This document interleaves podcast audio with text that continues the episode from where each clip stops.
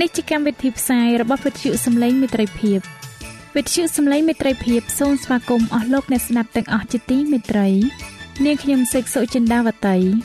ហើយខ្ញុំបាទអង្ចាន់វិជ្ជៈក៏សូមស្វាគមន៍លោកអ្នកស្ដាប់ទាំងអស់ផងដែរនៅពេលនេះយើងខ្ញុំមានសេចក្តីសុំមនស្សរីករាយដោយបានវិលមកជួបអស់លោកអ្នកនាងកញ្ញាអ្នកស្ដាប់សាជាថ្មីម្ដងទៀត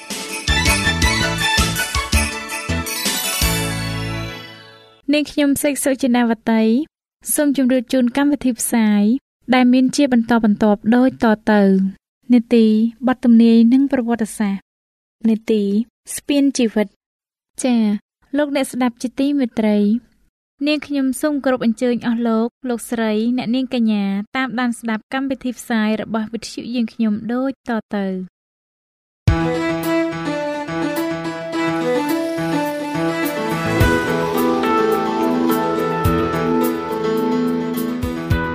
សូមជូននីតិបទទំនាយនិងប្រវត្តិសាស្ត្រ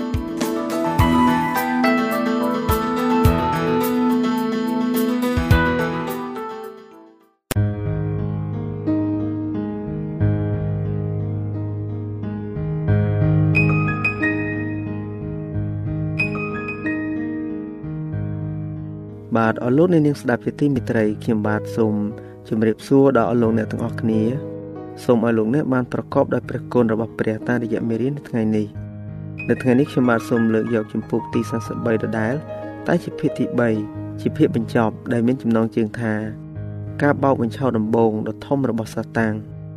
បាទដូច្នេះសូមលោកអ្នកតាមដានស្ដាប់ជំពូកទី43ភាគទី3ដែលជាភាគបញ្ចប់នេះដូចតទៅអស់អ្នកដែលបានរាប់ជាគូឲ្យបានរស់ពីស្លាប់ឡើងវិញ គឺមានពរហើយក៏បរិសុទ្ធផង សេចក្តីស្លាប់ទី2គ្មានអំណាចលើអ្នកទាំងនោះឡើយលូកាចំពុកទី20ខ35វិវរណៈចំពុកទី20ខ6ប៉ុន្តែអស់អ្នកដែលពុំបានទទួលការអត់អន់ទោសតាមរយៈការកែប្រែចិត្តនិងការជឿត្រូវទទួលឈ្នួលនៃអំពើបាប គេនឹងទទួលទណ្ឌកម្មតាមការប្រព្រឹត្តរបស់ខ្លួន ហើយបញ្ចប់នៅក្នុងសេចក្តីស្លាប់ជាលើកទី2ដោយព្រោះព្រះពុំអាចជួយសង្គ្រោះបាបជនដែលស្ថិតនៅក្នុងបាបកម្មរបស់ខ្លួន បានទល់តែសោះនោះ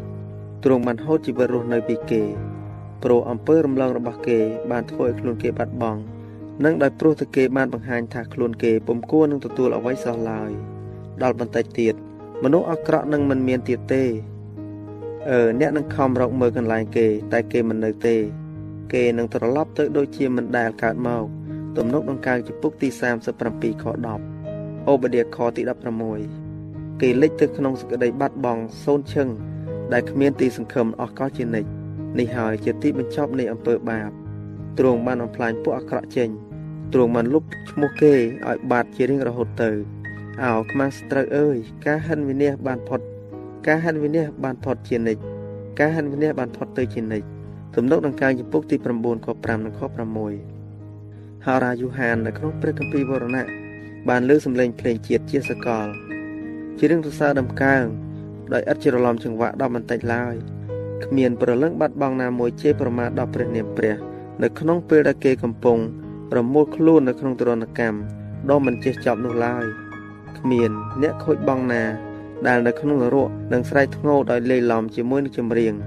នៃពួកអ្នកបានសង្គ្រោះឡើយក្នុងលទ្ធិកុសឆ្កងនៃភាពអមតៈជាធម្មជាតិគឺគោលលទ្ធិនៃការយល់ដឹងនៅក្នុងសេចក្តីស្លាប់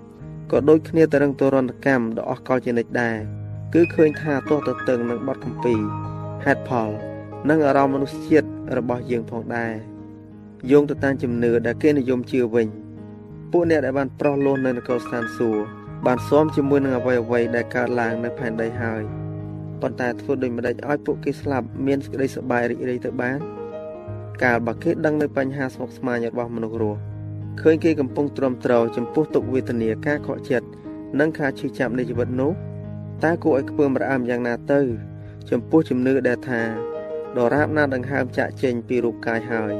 ព្រលឹងពុំទាន់បានកែប្រែចិត្តត្រូវបញ្ជូនទៅកាន់ភ្លើងនរកភ្លាមនោះតើបទកម្ពីដែលចែងដូចម្ដេចមនុស្សពុំដឹងអ្វីទេនៅពេលដែលគេស្លាប់គេផុតដង្ហើមទៅហើយត្រឡប់ទៅជាធ្លីដីវិញ នៅថ្ងៃនោះឯងអស់ទាំងគំនិតរបស់គេក៏សូន្យបាត់ទៅដែរ ត្បិតមនុស្សដែលរស់គេដឹងថាខ្លួនគេនឹងត្រូវស្លាប់ជាមិនខានតែមនុស្សស្លាប់ឥតដឹងអ្វីឡើយសេចក្តីស្រឡាញ់សេចក្តីសំអប់និងសេចក្តីឈ្នានីសរបស់គេក៏នឹងមានអ្នកសូន្យបាត់ទៅជាយូរមកហើយគេក៏ឥតមានចំណែកនៅក្នុងការអ្វីដែលគេធ្វើនៅក្រោមថ្ងៃជាដរាបទៅមកដែរ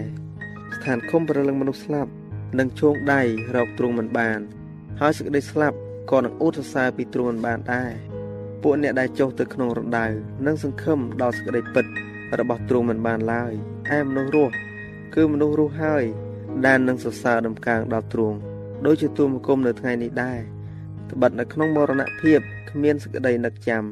អំពីទ្រង់ទៀតឡើយនៅស្ថានឃុំប្រលឹងមនុស្សស្លាប់នោះតើអ្នកណានឹងរសារដំកើងដល់ទ្រង់ទំនុកដំកើងចំពុកទី146ខ4សាស្តាចំពុកទី9ខ5និងខ6អេសាយចំពុកទី48ខ18និងខ19 និងទំនុកដំកើងចំពុកទី6ខ5នៅថ្ងៃបុណ្យទី50ពេត្រុសបានបញ្ជាក់ថា ស្ដេចដាវីតបានទៀងសកត់ហើយគេបានបញ្ចុះសពលោកដែរភ្នោលោកក៏នៅជាមួយនឹងយើងរាល់គ្នាដរាបដល់សប្តាហ៍នេះត្បិតលោកដាវីតមិនបានឡើងទៅនគរស្ថានសួគ៌ទេកិច្ចការចំពុកទី2ខ29និងខ44ការពិតដែលស្ដេចដាវីតស្ថិតនៅក្នុងភ្នោរហូតដល់គ្រារស់ឡើងវិញ ជាផុសតាងថា មនុស្សសុចរិត មិនទៅនគរស្ថានសួគ៌នៅពេលស្លាប់ទេ សាវកប៉ុលបានមានប្រសាសន៍ថាត្បិតបើសិនជាពួកអ្នកស្លាប់មិនរស់ឡើងវិញទេ នោះព្រះគ្រីស្ទក៏មិនបានរស់ឡើងវិញដែរហើយបើព្រះគ្រីស្ទមិនបានរស់ឡើងវិញមែននោះសេចក្តីជំនឿរបស់អ្នករាល់គ្នាក៏ជាអាសាឥតអំពើ អ្នករាល់គ្នាបាននៅក្នុងអំពើបាបនៅឡើយហើយអ្នកដែលបានដេកលក់ទៅក្នុងព្រះគ្រីស្ទគេត្រូវវិនិច្ឆ័យហើយ កូរិនថូសទី1ចំពុកទី15ខ16រហូតដល់ខ18ប្រសិនបើ4000ឆ្នាំមកហើយពួកសុចរិតបានឡើងទៅនគរស្ថានសួគ៌នៅពេលស្លាប់ទៅ ធ្វើដូចម្ដេចឲ្យសាវកប៉ុលនិយាយថាប្រសិនបើគ្មានសេចក្តីរស់ឡើងវិញទេ អ្នករាល់គ្នា បានដេកលក់ទៅក្នុងព្រះគ្រីស្ទគេត្រូវបានវិនិច្ឆ័យហើយបាន នៅពេលដែលរៀបចាក់ចេញពីពួកសិស្សព្រះយេស៊ូវពុំបានប្រាប់ពួកគេថា ពួកគេនឹងមកឯទ្រង់នៅក្នុងពេលឆាប់ឆាប់នេះទេទ្រង់បានមានបន្ទូលថាខ្ញុំទៅរៀបកន្លែងឲ្យអ្នករាល់គ្នា បើខ្ញុំទៅរៀបកន្លែងឲ្យអ្នករាល់គ្នានោះខ្ញុំនឹងត្រឡប់មកវិញនិងទទួលពួកអ្នករាល់គ្នាឲ្យទៅឲ្យខ្ញុំយូហានចំពុកទី14ខ2និងខ3សាវកប៉ុលបានប្រាប់យើងថែមទៀតថាព្រោះព្រះអម្ចាស់ទ្រង់នឹងយើងចុះពីស្ថានសួគ៌មកដោយស្រែកបង្គាប់មួយព្រះអស់ទៀងមានលើកសម្លេងមហាទេវតានិងត្រែរបស់ព្រះផង នោះពួកអ្នកស្លាប់នៅក្នុងព្រះគ្រីស្ទនឹងរស់ឡើងវិញជាមុនបង្អស់រួចយើងរាល់គ្នាដែលកំពុងតែរស់នៅក៏នឹងបានលើកឡើងទៅក្នុងពពកជាមួយគ្នាទាំងអស់ដើម្បីឲ្យបានជួបជុំជាមួយនឹងព្រះអម្ចាស់នៅនេះអាកាសយ៉ាងនោះយើងនឹងនៅជាមួយនឹងព្រះអម្ចាស់ជារៀងដរាបទៅ លោកបានបន្ថែមទៀតថាចូលកំសាន្តចិត្តគ្នាទៅវិញទៅមកដោយដំណើរនេះចុះថេសាឡូនីកទី1ចំពុកទី4ខ16រហូតដល់ខ18 នៅពេលដែលព្រះអង្គជាងមកគម្របភ្នោនឹងរបើកឡើងហើយពួកស្លាប់នៅក្នុងព្រះគ្រីស្ទនឹងបានរស់ឡើងវិញឲ្យមានជីវិតអស់កលជានិច្ចទាំងអស់គ្នានឹងត្រូវជំនុំជម្រះទៅតាមការដែលបានកត់ទុកនៅក្នុងបញ្ជីហើយនឹងបានទទួលរង្វាន់ទៅតាមការដែលខ្លួនបានធ្វើការជំនុំជម្រះនេះពុំបានអនុវត្តនៅពេលស្លាប់ទេទ្រង់បានដាក់កំណត់ថ្ងៃហើយទ្រង់នឹងជំនុំជម្រះលោកីដោយយុត្តិធម៌មើលព្រះអម្ចាស់ ទ្រង់យាងមកនៅកណ្ដាលពួកសិស្សនៅកណ្ដាលពួកបរិសុទ្ធទាំងសល់សែនដើម្បីនឹងកាត់ទោសដល់មនុស្សទាំងអស់កិច្ចការចំពុកទី17ខ31យូដាខទី14និងខទី15ប៉ុន្តែប្រសិនបើពួកស្លាប់កំពុងអស់ស្បាយនៅនគរស្ថានសួគ៌ឬកំពុងរមួលខ្លួននៅក្នុងភ្លើងនរកទៅហើយនោះមានត្រូវការសេចក្តីជំនុំជម្រះនៅពេលអនាគតធ្វើអីទៀតព្រះបន្ទូលព្រះអាចយល់បានដោយគំនិតមនុស្សសាមញ្ញ តែចំណែកគំនិតត្រង់ត្រង់វិញតើគេអាចមើលឃើញដំណេះប្រាជ្ញាឬសេចក្តីយុត្តិធម៌នៅក្នុងទ្រឹស្ដីបច្ចុប្បន្ននេះឬទេតើពួកសុចរិតនឹងទទួលការសរសើរថា ប្រពៃហើយបើល្អស្មោះត្រង់អើយចូលឯងប្រកបដោយសេចក្តីអំណររបស់ជីវ័យឯងចុះនៅក្នុងពេលដែលគេស្នាក់នៅចំពោះព្រះភ័ក្ត្រទ្រង់ដោយយូរលងហើយនោះឬតើពួកអាក្រក់នឹងត្រូវកោះហៅចេញអំពីទរណកម្ម ដើម្បីទទួលការកាត់ទោសពីព្រះដោយជាអ្នកកាត់ក្តីដែលថា អ្នករាល់គ្នាដែលត្រូវមនសាអើយចូលថយចេញពីអញចូលថយចេញ ទៅក្នុងភ្លើងដែលឆេះនៅអកលចនិចដូច្នោះឬម៉ាថាយជំពូកទី25ខ21និងខទី41ទ្រឹស្ដីនៃអមតភាពរបស់ប្រលឹង គឺជាគោលលទ្ធិមួយ នៅក្នុងអស់ទាំងគោលលទ្ធិខុសឆ្គងទាំងឡាយដែលរ៉ូមបានចម្លងមកពីសាសនាដទៃ លោក Martin Luther បានរាប់គោលលទ្ធិនេះថាជារឿងល្បើកដ៏មហាកម្ពូតដែលបង្កើតជាផ្នែកនៃបទបញ្ជាគម្រោងរបស់រ៉ូមព្រះគម្ពីរបានបង្រៀនថាពួកស្លាប់នឹងដេកលក់រហូតដល់មានសេចក្តីរស់ឡើងវិញ អ្នកសុចរិតដែលហត់នឿយកំសាន្តដោយសុខសាន្តទោះយូរឬឆាប់ក្តី ចំពោះគេដូចជាមួយផ្លែតែប៉ុណ្ណោះគេបានដេកលក់រួចហើយនឹងត្រូវបានដាស់ឡើងដោយសម្លេងត្រែរបស់ព្រះ ទៅកាន់អមតភាពដ៏រុងរឿង ត្បិតត្រែនឹងលើឡើងមែននៅពួកអ្នកស្លាប់នឹងរស់ឡើងវិញហើយមិនពុករលួយទៀតឡើយកាលណារូបកាយពុករលួយនេះ បានប្រដាប់ដោយសេចក្តីមិនចេះពុករលួយហើយរូបកាយដែលតែងតែស្លាប់នេះបានប្រដាប់ដោយសេចក្តីដែលមិនចេះស្លាប់វិញនោះទើបនឹងបានសម្រេចតាមពាក្យដែលថាសេចក្តីជាជំនះបានលេបសេចក្តីស្លាប់បាត់ហើយកូរិនថូសទី1ចំពុកទី15ខ52រហូតដល់54គេត្រូវបានហៅចេញ ពីដំណេកដ៏លងលក់របស់ខ្លួនហើយក៏ចាប់ផ្ដើមគិតដូចនៅពេលដែលគេទៅតែនឹងស្លាប់ទៅ ការចាប់អារម្មណ៍ចុងក្រោយបង្អស់គឺជាការឈឺចាប់នៃសេចក្តីស្លាប់ ការគិតចុងក្រោយ គឺជាពេលដែលគេធ្លាក់ទៅក្នុងអំណាចរបស់ភ្នោខ្មោចនៅពេលដែលក្រោកឡើងពីភ្នោវិញគំនិតដ៏រីករាយជាដំបូងបង្អស់គឺជាសំឡេង បំពងនៅក្នុងសម្រែកជេរជំនះថាអោសេចក្តីស្លាប់អើយត្រនិចឯងនៅឯណាអោភ្នោអើយ សេចក្តីជាជំនះឯងនៅឯណាកូរិនថូសទី1ចំពុកទី15ខ55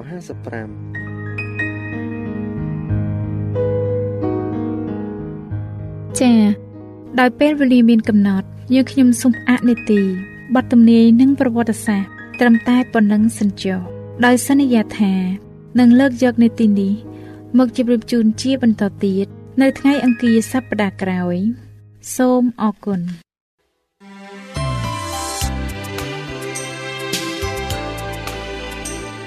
វិទ្យុសំឡេងមេត្រីភាព AWR ជាវិទ្យុដែលនាំមកពីក្នុងការនាំព្រះរាជសាររបស់ព្រះជាម្ចាស់សម្រាប់លោកអ្នក។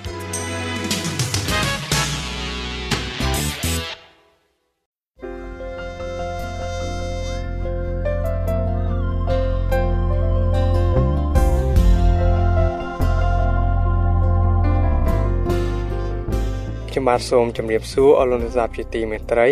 សូមឲ្យលោកអ្នកបានប្រកបដោយព្រះគុណនិងសេចក្តីសុខសាន្តពីព្រះវរបិតានៃយើង និងពីព្រះអម្ចាស់ព្រះយេស៊ូវគ្រីស្ទខ្ញុំបាទមានអំណរណាស់ដែលបានវិលមកជួបលោកអ្នកនាងសាជាថ្មី នៅក្នុងនីតិស្ពានជីវិតរបស់យើងនេះហើយនៅថ្ងៃនេះខ្ញុំបាទសូមលើកយកមេរៀនទី9ដដែលតែភាគទី2ជាភាគបញ្ចប់ ដែលមានចំណងជើងថាព្រះយេស៊ូវចិត្តយើងមកវិញហើយ បាទកាលពីភាគមុនខ្ញុំបាទបានជម្រាបជូនលោកអ្នកពីចំណុចទី1រួចមកហើយហើយនៅពេលនេះខ្ញុំបាទនឹងជម្រាបជូនលោកអ្នកពីចំណុចទី2ជាបន្តទៅទៀតដូច្នេះខ្ញុំបាទសូមគោរពអញ្ជើញលោកអ្នកនាងតាមដានស្ដាប់មេរៀនទី9ភាគទី2ជាភាគបញ្ចប់នេះជាមួយនឹងខ្ញុំបាទដូចតទៅចំណុចទី2ការយាងមកលើកទី2របស់ព្រះយេស៊ូវ ព្រះយេស៊ូវមិនមែនយាងមកដោយស្ងាត់ស្ងាត់នោះទេព្រះគម្ពីរបានប្រាប់ថាគ្រប់ភ្នែកនឹងឃើញទ្រង់ទ្រង់នឹងយាងមកដើម្បីសង្គ្រោះអ្នកដែលទ្រង់ស្រឡាញ់ប្រៀបបាននឹងកប៉ាល់ដ៏ធំមួយ ដែលកំពុងមកសង្គ្រោះមនុស្សលងទឹកដូចនោះដែរតើទ្រង់នឹងយាងមករបៀបយ៉ាងណា ហើយយើងនឹងឃើញទ្រង់ជាព្រះយ៉ាងណាដែរយើងបានរៀនរួចមកហើយថា នៅពេលដែលទ្រង់នៅលើផែនដីនេះព្រះយេស៊ូវតែងតែបន្ទាបខ្លួនធ្វើជាគំរូដល់មនុស្សលោក ហើយត្រូវបានមនុស្សបៀតបៀនរហូតធ្វើគុតទ្រង់នៅលើឈើឆ្កាង តែម្ដងនេះទ្រង់យាងមកជាស្ដេចដ៏មានអំណាចនៅលើពពកព្រមទាំងមានពួកទេវតាហែហោមទ្រង់មកផងអ្នកដែលជឿទ្រង់គេអសប្បាយដោយជឿថាព្រះយេស៊ូវនឹងយកគេឡើងទៅស្ថានសួគ៌តែអ្នកដែលមិនជឿវិញព្រះគម្ពីរវិវរណៈចំពុកទី6ខ15ដល់ខ17បានប្រាប់ថាអស់ទាំងស្ដេចនៅផែនដីនិងពួកអ្នកធំ ពួកអ្នកមាន ពួកមេតបពួកខ្លាំងពូកែហើយគ្រប់ទាំងបាវបំរើ និងអ្នកជាទាំងប្រមាណគេអង្វរទៅភ្នំហើយទៅថ្មថាសូមធ្លាក់មកលើយើង ដើម្បីបំបាំងយើង ពីព្រះភ័ក្ត្រព្រះអង្គដែលគង់នៅលើបល្ល័ង្កនិងពីសេចក្តីក្រោធរបស់កូនជាមចេញព្រះយេស៊ូវបានទ្រាំទ្រនៅការឈឺចាប់ពីមនុស្សមានបាបដើម្បីបង្ហាញមនុស្សអំពីផ្លូវនៃសេចក្តីសង្គ្រោះប៉ុន្តែពេលដែលទ្រង់យាងមកវិញទ្រង់គឺជាចៅក្រមដើម្បីជំនុំជម្រះមនុស្ស អស់អ្នកណាដែលទទួលការអត់ទោសពីទ្រង់ដោយបែរចេញពីអំពើបាបនឹងត្រូវបានសង្គ្រោះហើយអស់អ្នកដែលបដិសេធសេចក្តីមេត្តាករុណារបស់ទ្រង់នឹងត្រូវស្លាប់នៅក្នុងបឹងភ្លើងវិញលោកអ្នកប្រហែលជាធ្លាប់ឮរឿងបុរាណខ្មែរដែលនិយាយអំពីអេសីអាគីណេត ដែលមានភ្នែកភ្លើងដែរហើយរឿងបុរាណទាំងនោះបានដំណាលថាតែកាលណាអេសីអាគីណេតសម្លឹងចំអ្នកណា អ្នកនោះឯងនឹងត្រូវឆេះ យើងមិនដឹងថាមានអេសីអាគីណេតមែនឬមិនមែនទេ ហើយក៏មិនដឹងថាពូកែឬមិនពូកែនោះដែរប៉ុន្តែព្រះគម្ពីរហេព្រើរជំពូកទី12ខ29បានប្រាប់យ៉ាងច្បាស់ថាត្បិតព្រះអម្ចាស់នៃយើងរាល់គ្នា ជាភ្លើងដែលឆេះមិនសោះហើយឥឡូវនេះទាំងពុទ្ធសាសនា ទាំងអ្នកវិទ្យាសាស្ត្រកំពុងតែព្រួយបារម្ភអំពីភ្លើងដែលនឹងឆេះលោកីនេះដែររឿងបុរាណខ្មែរបានបញ្ជាក់ប្រាប់ថា អ្នកដែលមាននិស្ស័យទោះបីអេសីអាគីណេតក្រឡេកចំក៏មិនចេះដែរតែបើឆេះហើយក៏អាចប្រោសឲ្យរស់វិញបាន ការនេះមិនខុសគ្នាពីការយាងមករបស់ព្រះយេស៊ូវនោះទេព្រោះព្រះគម្ពីរបានប្រាប់ឲ្យដឹងយ៉ាងច្បាស់ថា អ្នកណាដែលជឿព្រះយេស៊ូវហើយយាងព្រះអង្គឲ្យគង់នៅក្នុងចិត្តហើយបានបោះបង់ចោលនៅអំពើបាបទាំងឡាយតាមព្រះគម្ពីរនោះនឹងមិនត្រូវឆេះឡើយដូច្នេះយើងត្រូវតែសុំឲ្យទ្រង់ដកចេញ នៅអំពើបាបទាំងឡាយពីចិត្តយើងហើយឲ្យយើងមានសេចក្តីជំនឿលើទ្រង់ជានិច្ចដើម្បីកុំឲ្យត្រូវវិនិច្ឆ័យដោយសារភ្លើងដែលពន្លត់មិនបាន នៅចំពោះព្រះភ័ក្ត្រទ្រង់នោះឡើយនៅក្នុងព្រះគម្ពីរលោកុបាទចំពោះទី9ខ7បានប្រាប់អ្នកបរិសុទ្ធរបស់ទ្រង់ម្នាក់ឈ្មោះណូអេឲ្យធ្វើទូកធំមួយ ហើយប្រកាសប្រាប់ដល់មនុស្សថា នៅចំនួននោះព្រះនឹងបំផ្លាញផែនដីនេះដោយទឹកជំនន់ដំបូងឡើយគេជឿតិចតិចដែរ តែគេមិនសូវជាភ័យទេព្រោះភូមិគេស្ថិតនៅលើជើងភ្នំទោះបើមានទឹកជំនន់ក៏មិនអាចលិចបានដែរលោកតាណូអេធ្វើទូករួចហើយក៏ប្រកាសដំណឹងនេះប្រាប់គេអស់រយៈពេលជាង120ឆ្នាំគ្មានឃើញមានភ្លៀងមកសោះធ្វើឲ្យមនុស្សរត់តែលែងជឿណូអេសោះទៅទៀតលុះនៅសល់តែ7ថ្ងៃនឹងមានទឹកជំនន់មកដល់ព្រះបានប្រាប់ឲ្យលោកណូអេប្រពន្ធ ព្រមទាំងកូននិងកូនប្រសាឡើងលើទូកដោយយកទាំងសត្វជើង4និងសត្វស្លាបមួយគូមួយគូទៅជាមួយផងមនុស្សម្នាគេនាំគ្នាសើចចំអកឲ្យលោកតាណូអេដែលឡើងជិះទូកលើដីគោកចាស់ហើយនៅជើងភ្នំទៀតផងក្នុងរយៈពេល7ថ្ងៃដែលណូអេនៅក្នុងទូកគេមិនបានសុំណូអេចូលជាមួយទេបែរជាឌីលណូអេថាជាមនុស្សល្ងងទៅវិញបន្ទាប់មកព្រះបានបិទទ្វារទូកចិត្តភ្លៀងក៏ចាប់ដើមធ្លាក់ មនុស្សយល់ថាវាគឺជារឿងធម្មតា តែភ្លៀងធ្លាក់ទាំងយប់ទាំងថ្ងៃឥតឈប់ឈរធ្វើឲ្យគេសង្ស័យថា ប្រហែលជាសម្ដីលោកតាណូអេជារឿងពិតមែនទឹកក៏កាន់តែឡើងបន្តិចម្ដងបន្តិចម្ដង មនុស្សកាន់តែភ័យខ្លាំងឡើងខ្លាំងឡើងទូករបស់ណូអេក៏កាន់តែអណ្ដែតបន្តិចម្ដងបន្តិចម្ដង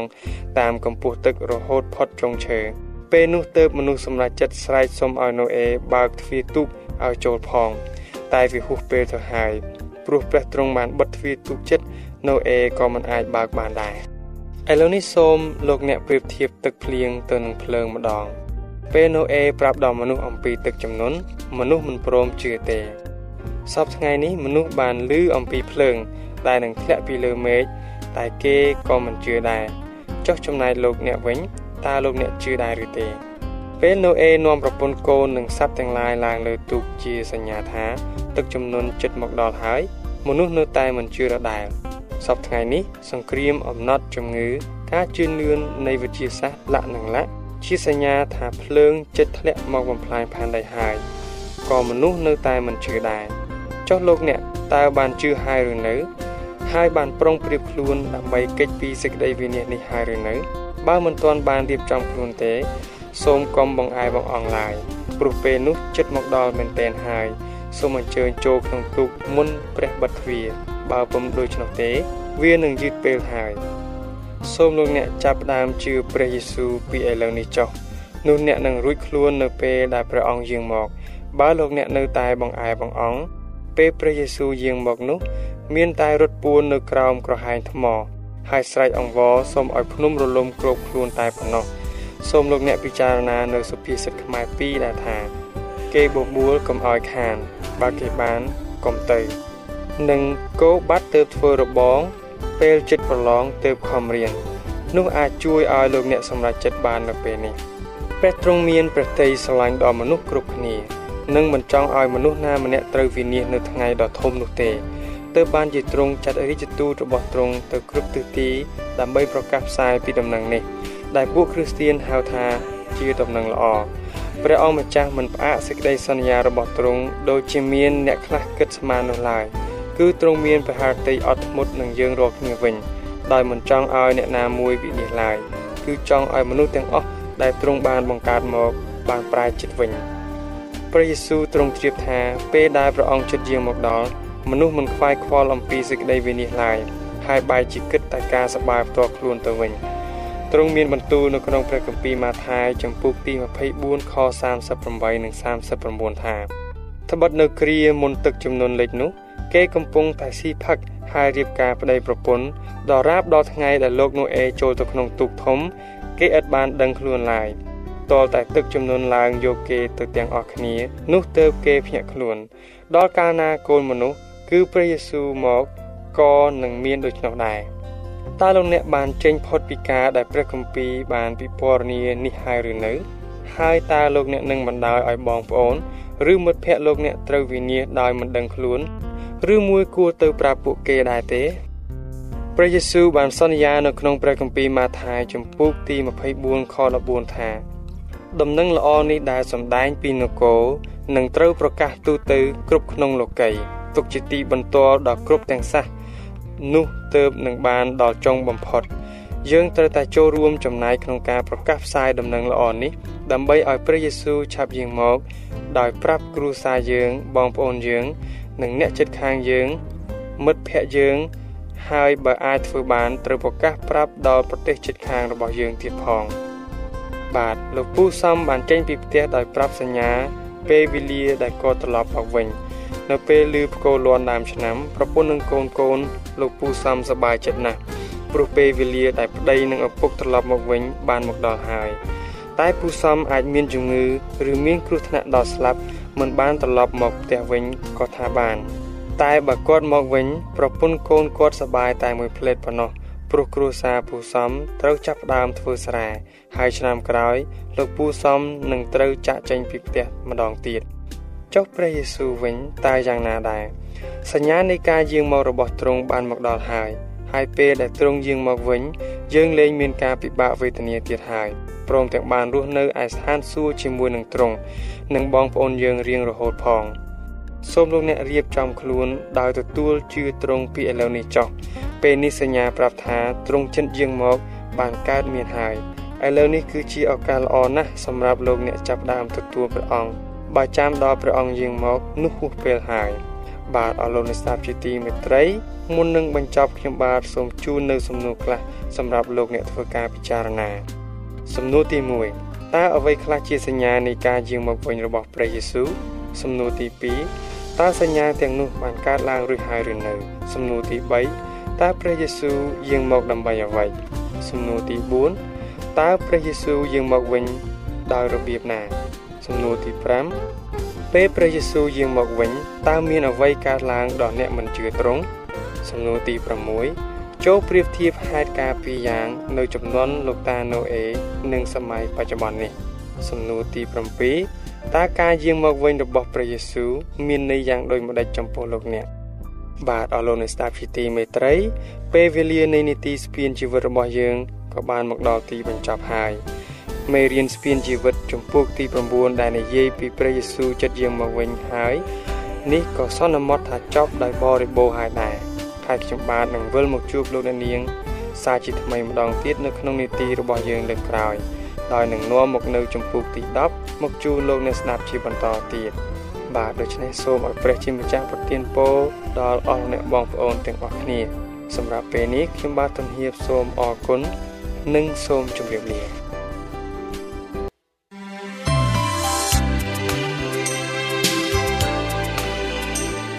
វិទ្យុសំឡេងមេត្រីភាព AWR មានផ្សាយពីរដងក្នុងមួយថ្ងៃ គឺព្រឹកនៅម៉ោង6និងពេលយប់នៅម៉ោង8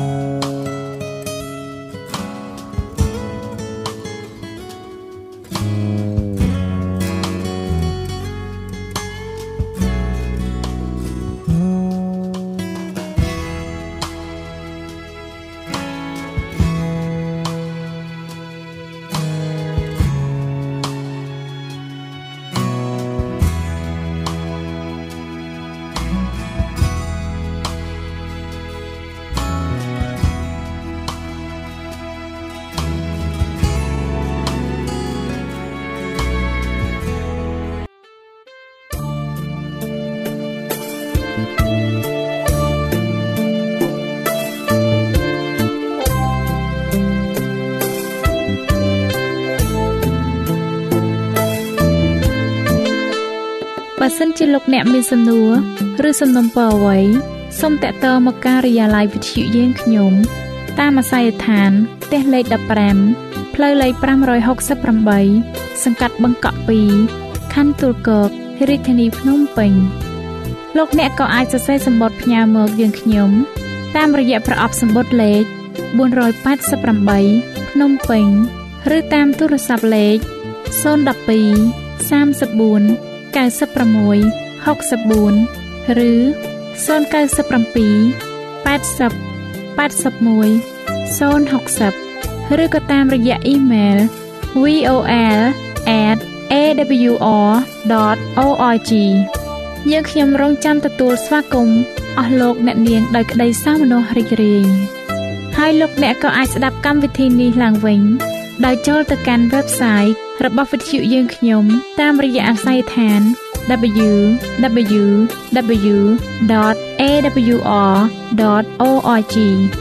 លោកអ្នកនាងកញ្ញាជាទីមេត្រី កម្មវិធីផ្សាយរបស់វិទ្យុសំឡេងមេត្រីភាពនៅពេលនេះសូមបញ្ចប់តែប៉ុណ្ណេះយើងខ្ញុំសូមអរគុណចំពោះការតាមដានស្ដាប់របស់អស់លោកអ្នកតាំងពីដើមរហូតដល់ចប់យើងខ្ញុំសូមជូនពរឲ្យអស់លោកអ្នកនាងកញ្ញាទាំងអស់ បានចម្រើនឡើងក្នុងព្រះគុណព្រះអង្គម្ចាស់ហើយក្នុងការទទួលយកព្រះយេស៊ូវគ្រីស្ទជាព្រះអង្គម្ចាស់និងជាព្រះអង្គសង្គ្រោះនៃយើងរាល់គ្នានាទីផ្សាយរបស់វិទ្យុយើងខ្ញុំនឹងវិលមកជួបអស់លោកអ្នកសាជាថ្មីម្ដងទៀតនៅថ្ងៃស្អែកវេលាម៉ោងដដែលនាងខ្ញុំសេកសុចិន្តាវតីនិងខ្ញុំបាទអ៊ំច័ន្ទវិជ្ជៈសូមអរគុណសូមជម្រាបលា